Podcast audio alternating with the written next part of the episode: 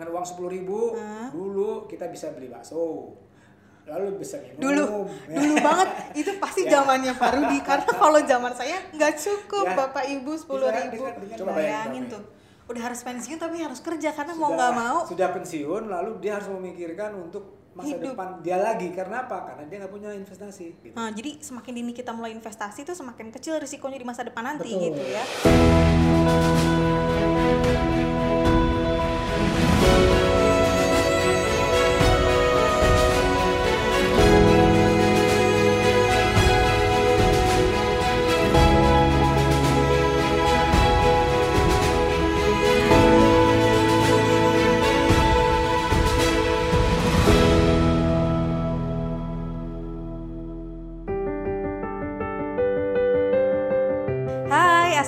Warahmatullahi wabarakatuh. Balik lagi dengan saya, Meilani Karina di Hijrah Podcast. My Hijrah, My Story, My Adventure.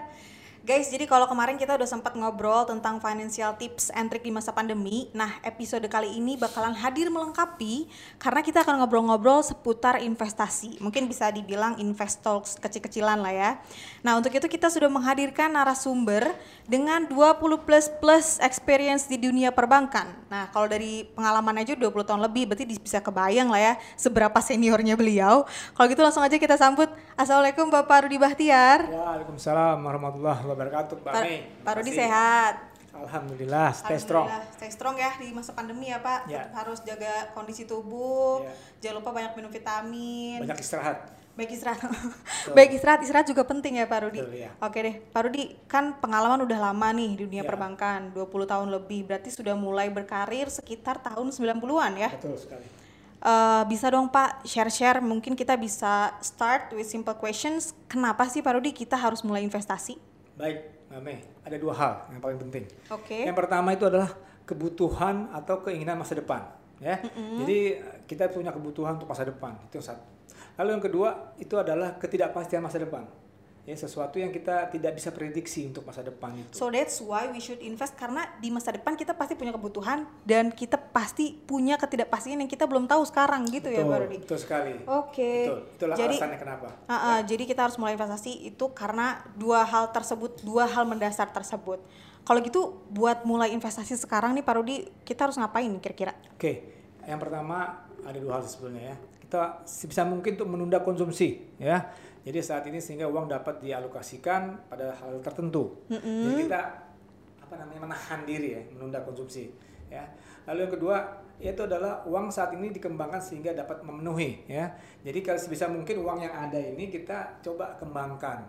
Em, kita kerjakan mereka atau uang-uang tersebut agar bisa menghasilkan sesuatu yang buat kita. Jadi inget pidatonya Bu Sri Mulyani kemarin ini ya Pak ya, yang Iya. terkait dengan aset katanya kalau di negara maju justru aset-aset orang-orang itu yang bekerja bukan orang yang kerja tapi asetnya. Nah mungkin di Betul. Indonesia juga harus mulai nih ya. Ya, betul. Aset kita, uang kita itu dikembangkan supaya nanti di masa depan bisa memenuhi kebutuhan-kebutuhan Betul kita. sekali, Pak Mei. Oke, Pak Rudi eh, berbicara tentang masa depan, Ya. pastinya juga eh, berkaitan erat dengan masa pensiun. Mungkin no offense nih Pak Rudi ya, Ya. kalau misalnya dilihat dari penampakan Pak Rudi, kayaknya mungkin udah mendekati masa-masa pensiun. Mengingat tadi experience-nya aja 20 plus plus tahun di Ya, dunia betul, perbankan. Kira-kira eh, untuk menghadapi masa pensiun ini persiapan Pak Rudi gimana? Atau Pak Rudi bisa juga share-share sebetulnya di Asia atau di Indonesia itu kesiapan orang-orang dalam menghadapi masa pensiunnya tuh gimana sih? Oke, eh, kebetulan saya eh, membaca sedikit eh, apa namanya eh, research itu ya, sekitar saya kecil-kecilan terhadap investasi di Asia itu ya. Jadi kurang lebih sekitar 63% itu merasa kesulitan menyeimbangkan antara bayar tagihan dengan menabung. Jadi masih bingung tuh. 63% orang masih merasa sulit. 63% orang itu di Asia itu seperti itu. Berarti jadi belum bisa mulai investasi atau mulai nabung karena sebenarnya buat bayar tagihan aja masih kesulitan Iya, ya jadi Rudi. mereka kesulitan untuk menabung karena dia harus bayar tagihan, tagihan, tagihan. Tagihannya membludak, makin tinggi. Nah, itu dia, ya 63 persen. Yang kedua, risetnya mengatakan 47 persen tuh nggak pede memiliki penghasilan yang dibutuhkan untuk menghidupi masa pensiun depan. Oke. 47 persen tidak bisa. Kalau Pak Rudi pasti udah pede dong penghasilannya Alhamdulillah. sekarang bisa menghadapi masa pensiun karena udah investasi juga ya. Betul, Benar banget. Oke. Heeh. Terus Lalu gimana? yang Pak? ketiga, 76% merasa hasil simpanannya itu untuk pensiun nanti akan habis dipakai dan masih dan masih bisa hidup gitu. ya. Artinya apa ya? Jadi uang tuj eh, sebenarnya 76 orang eh 76 persen itu hasil simpanan itu untuk pensiun. Merasa hasil pensi, hasil simpanan itu hanya untuk pensiun aja. Oke, akan jadi- habis gitu loh. Heeh, jadi aku punya tabungan nih. Kalau misalnya aku termasuk ke dalam 76% itu tabungan aku nih bakalan habis duluan sebelum umur aku Sebelum masa habis. betul-betul. Berarti jadi masa pensiunnya nggak secure gitu Nggak ya. secure, Nah, betul. Dan masih masih masih harus Masih- berjuang untuk hidup. Masih harus berjuang untuk hidup Iya. sementara tabungannya udah nggak ada Betul, gitu ya. namun nggak ada. Oke, itu yang ketiga. Lalu yang keempat, 71% merasa harus tetap bekerja untuk menghidupi masa pensiun. Coba Bayangin bayangin tuh. Udah harus pensiun tapi harus kerja karena mau Sudah- nggak mau Sudah pensiun, lalu dia harus memikirkan untuk masa Hidup. depan dia lagi. Karena apa? Karena dia nggak punya investasi. Nah, Hmm. kurang lebih sekitar 71% mereka harus memikirkan untuk bekerja lagi. dan itu faktanya ya memang Faktanya, betul. faktanya Ya. karena kalau kita nggak investasi ya itulah yang akan kita hadapi nanti Betul di hari sekali. tua berbicara tentang investasi pastinya kita punya risiko ya karena aku Betul. sering dengar tuh katanya kalau kita mulai invest tuh eh, investasi tuh high risk high return Ya. jadi mungkin kita harus lebih kenal dulu nih ya pak gimana sih perilaku perilaku produk investasi supaya kita nggak salah langkah dalam mengambil strategi berinvestasi itu gimana ya pak Ya, jadi sebenarnya eh, investasi ini ada perilakunya gitu ya. Jadi ada Perilaku yang harus kita eh, kenali dulu gitu kita ya. Kenali dulu ya apa sih risiko-risikonya Hmm. gitu ya. Karena kan eh, statement mengatakan makin tinggi risiko tinggi risiko investasi gitu, makin tinggi pula ekspektasi bagi hasilnya ya. Hmm, high risk, high return. itu pasti itu pasti ada ya. Dan itu berisiko pertama. ya. Iya, berisiko. Lalu yang kedua makin lama investasi tersebut dimiliki, lalu makin kecil risikonya. Artinya semakin panjang kita memegang aset selama mungkin itu risiko semakin kecil gitu kan Oke. ya. Jangan rumah, jangan dijual diamin aja terus. Tapi risiko lama-lama kan semakin kecil gitu. Nah, jadi semakin dini kita mulai investasi itu semakin kecil risikonya di masa depan nanti betul, gitu ya. Betul sekali. Nah, itu yang kedua. Lalu yang ketiga, eh, saat ini kalau kita pegang cash itu nilainya bisa turun, ya.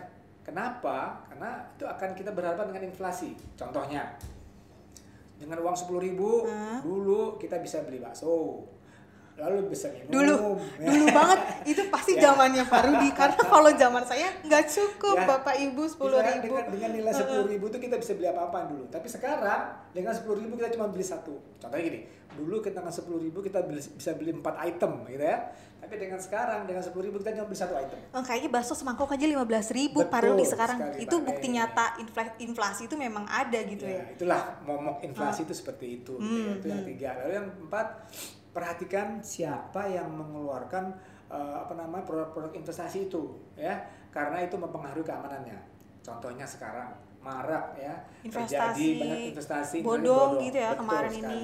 Jadi Karena- kita harus tahu siapa sih orang yang mengelolanya. Bahkan ya. kita nggak tahu produk itu dikeluarkan siapa, tapi karena iming-iming imbal hasilnya besar, kita Betul. akhirnya membeli ternyata investasinya investasi bodong. Betul. Ujung-ujungnya ruginya ke diri Betul, kita juga betul. gitu ya. Jadi kita harus tahu siapa yang apa namanya mengelola investasi tersebut, apakah dia punya lisensi yang sudah diakui oleh regulator dan lain sebagainya. Oke, Ya? jadi harus dikenali gitu ya. Betul, itu empat. Lalu yang kelima, apa sih risiko itu? Ya, jadi tadi kalau saya coba rumuskan tuh, jadi risiko itu adalah hasil aktual dari bagi hasil dibandingkan dengan proyeksi sebelumnya.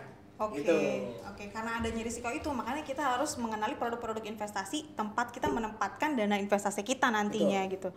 Kalau berisiko nih kan dengar tadi investasi kayak berisiko.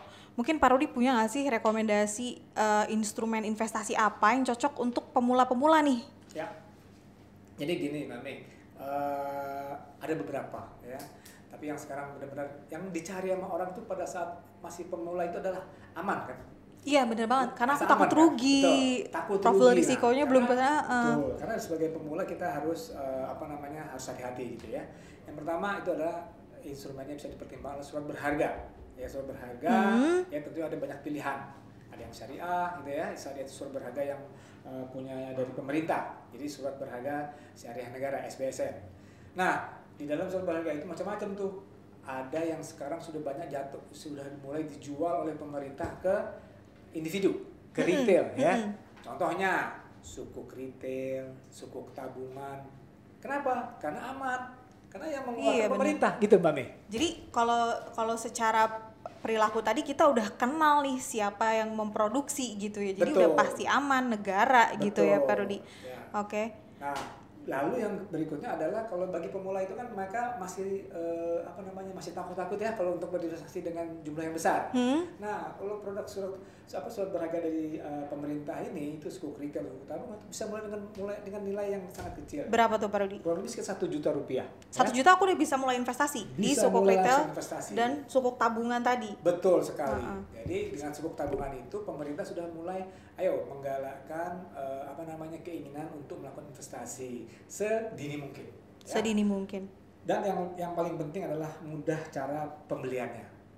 Nah, Oh, sekarang kan kan gitu. era era Era teknologi kan digital ya. ya, Rudi. Jadi untuk investasi di sukuk retail dan sukuk tabungan itu juga sudah mudah karena sudah banyak platform-platform yang Betul. menyediakan gitu ya. Apalagi- Bisa melalui platform internet bankingnya atau mobile banking, Mobile gitu banking, ya. ya. Dan itu mudah cukup Ya. registrasi. Selanjutnya nanti kita pesan, kita bayar, kita beli, kemudian Betul, kita bayar betul. itu dalam satu platform gitu. Jadi nggak ada alasan buat investasi sukuk retail atau sukuk tabungan itu sulit karena Betul. sekarang eranya sudah mudah gitu ya Pak Rudi. Betul, betul, betul. Selain itu juga di sukuk retail sama sukuk tabungan imbal hasilnya itu gimana Pak Rudi? Apa Nah. aman kah? Betul sekali. Jadi pemerintah dalam hal ini sebagai apa namanya regulator dan eh, pembuat produk ini, produk ownernya, mereka mencari eh, apa namanya eh, produk-produk investasi yang aman. Lalu produk-produk investasi ini di eh, backup oleh undang-undangnya. Jadi pokok sama imbal hasilnya itu dijamin oleh undang-undang. Apa? Hmm. Kurang apa lagi coba? Itu aman banget kan? Aman, terjangkau gitu ya. aman terjangkau dan Aku bisa- gampang melakukan pembeliannya apalagi anak-anak muda sekarang Iya, bisa di- biasanya main dengan gadget beli secara online ya beli secara online tanpa perlu temu muka ya sama ini juga begitu pemerintah mengadakan Sambil rebahan kita bisa beli, weekend bisa beli Betul. gitu kan di tidak mana aja. tutup dengan tidak hanya apa namanya terbatas eh, jam kerja saja gitu kan ya tapi bisa Sabtu Minggu, bisa Minggu, melakukan online 24 langsung jam sehari. dari gadget itu Mbak Ri. Ya that's the answer ya kalau emang kita mau mulai investasi saat ini bisa dipilih nih surat berharga syariah negara ada suku retail dan juga ada suku tabungan. betul sekali Belinya melalui online platform, imbal hasilnya dibayarkan setiap setiap bulan Oh jadi setiap bulan aku dapat imbal hasil, Betul. imbal hasilnya juga aman dijamin negara, pokoknya juga di aman diambil Yang dijamin lagi negara. keuntungannya memang eh, kan sudah terjamin oleh pemerintah ya. Lalu itu cash flow-nya setiap tanggal 10 pembayarannya. Jadi kita bisa mengetahui nih setiap tanggal 10 kita akan dapat eh, certain Oke. amount gitu ya. Oke oke. Itu dia. Ah, jadi expected gitu ya. Jadi Betul. udah bisa rencanain nih kira-kira kalau mau mulai investasi tuh gimana. Kalau gitu Pak Rudi, boleh dong share-share tips investasi kan tadi sebetulnya dari awal tuh kita mulai ubah perilaku kita dulu ya. Kita kesampingkan dulu konsumsi gitu ya untuk Betul. mulai alokasikan dana buat investasi. Gimana dong? Boleh dong Pak Rudi share tips investasi nih buat kita-kita. Baik Mame, yang pertama ya, ini benar-benar harus diper- eh, apa namanya eh, di- dipikirkan ya. Jadi saving first, spend later. Jadi yang Nabung pertama dulu. harus melakukan saving. Nabung Ya, dulu. nabung dulu. Beli-belinya Kalau anak ntar. Muda, ya anak-anak muda sekarang sudah bekerja, ayo nabung. Ya, yang masih belum bekerja kan ada uang uang apa namanya uang belanja gitu ya. Uang belanja, uang jajan. bisa saham. Uang jajan bisa Uang mulai jajan, ditabung. oke, uang jajan. Uang Uang jajan bisa belanja. saving tuh. Iya. Jadi eh, ditahan emosinya untuk beli ini, minum ini, beli ini, makan ini, tahan, ditahan ya. Itu saving first, spend later. Itu yang pertama. Lalu yang kedua invest in yourself. Artinya gini, kita Gimana tuh sebagai invest in ya, yourself? sebagai apa namanya milenial atau sebagai pemula gitu, kita save eh, apa namanya investasi itu untuk tambah ilmu. Ilmu penting. Jadi investasinya tuh di otak gitu, di kepala gitu ya, Betul. karena itu penting buat ke depannya, ke depan buat di masa depan. Oke. yang kedua lalu yang ketiga coba diurutkan prioritas kebutuhan di atas keinginan urutkan prioritasnya mana keinginannya ya itu bisa dipertimbangkan ya lalu pintar-pintar menahan diri untuk nggak beli sana beli sini gitu ya karena sekarang milenial gitu nongkrong sana nongkrong Terus ini sini beli ini beli Betul itu gitu ya. sekali. Lupa deh. lupa deh investasi Lalu masa depan. lupa untuk melakukan apa saving nabung gitu ya Oke. Oke. Lalu yang kelima, coba pilih produk apa namanya kendaraan investasi yang bisa mengembangkan uang kita. Jadi eh, Contohnya banyak- kayak oke, tadi gitu ya, di surat- tadi kan invest ke dalam ilmu. Jadi ilmu itu kita dapat, lalu kita cari-carilah. Dengan ilmu itu kita coba informasi, cari informasi yang terbaik ya. Informasi produk yang tepat Betul. buat mengembangkan uang cari, kita. Pilih, jadi nggak boleh sembarangan memilih produk-produk eh, investasi. Lalu yang terakhir yang sangat penting adalah kenali profil risiko kita. Hmm, karena tadi produk investasi pastinya berisiko ya. Ya betul. Jadi uh, dengan mengenali profil kita, kita bisa apa namanya menakar oh investasi yang cocok tuh apa sih yang seperti ini oh kalau saya masih pemula berarti belum cocok nih aman investasi gitu di ya. saham gitu karena belum tahu Betul. gimana pergerakannya tapi Karena mungkin cocok nih kalau investasi di surat berharga negara Ya. karena aman gitu ya Betul tetap sekali. Oke deh itu paling penting sih Pak Rudi makasih banget nih udah sharing-sharing sama kita Investox eh, terkait dengan eh, gimana sih kita mulai investasi sedini mungkin gitu ya. Produk apa yang cocok untuk investasi pemula, untuk investor pemula dan lain sebagainya.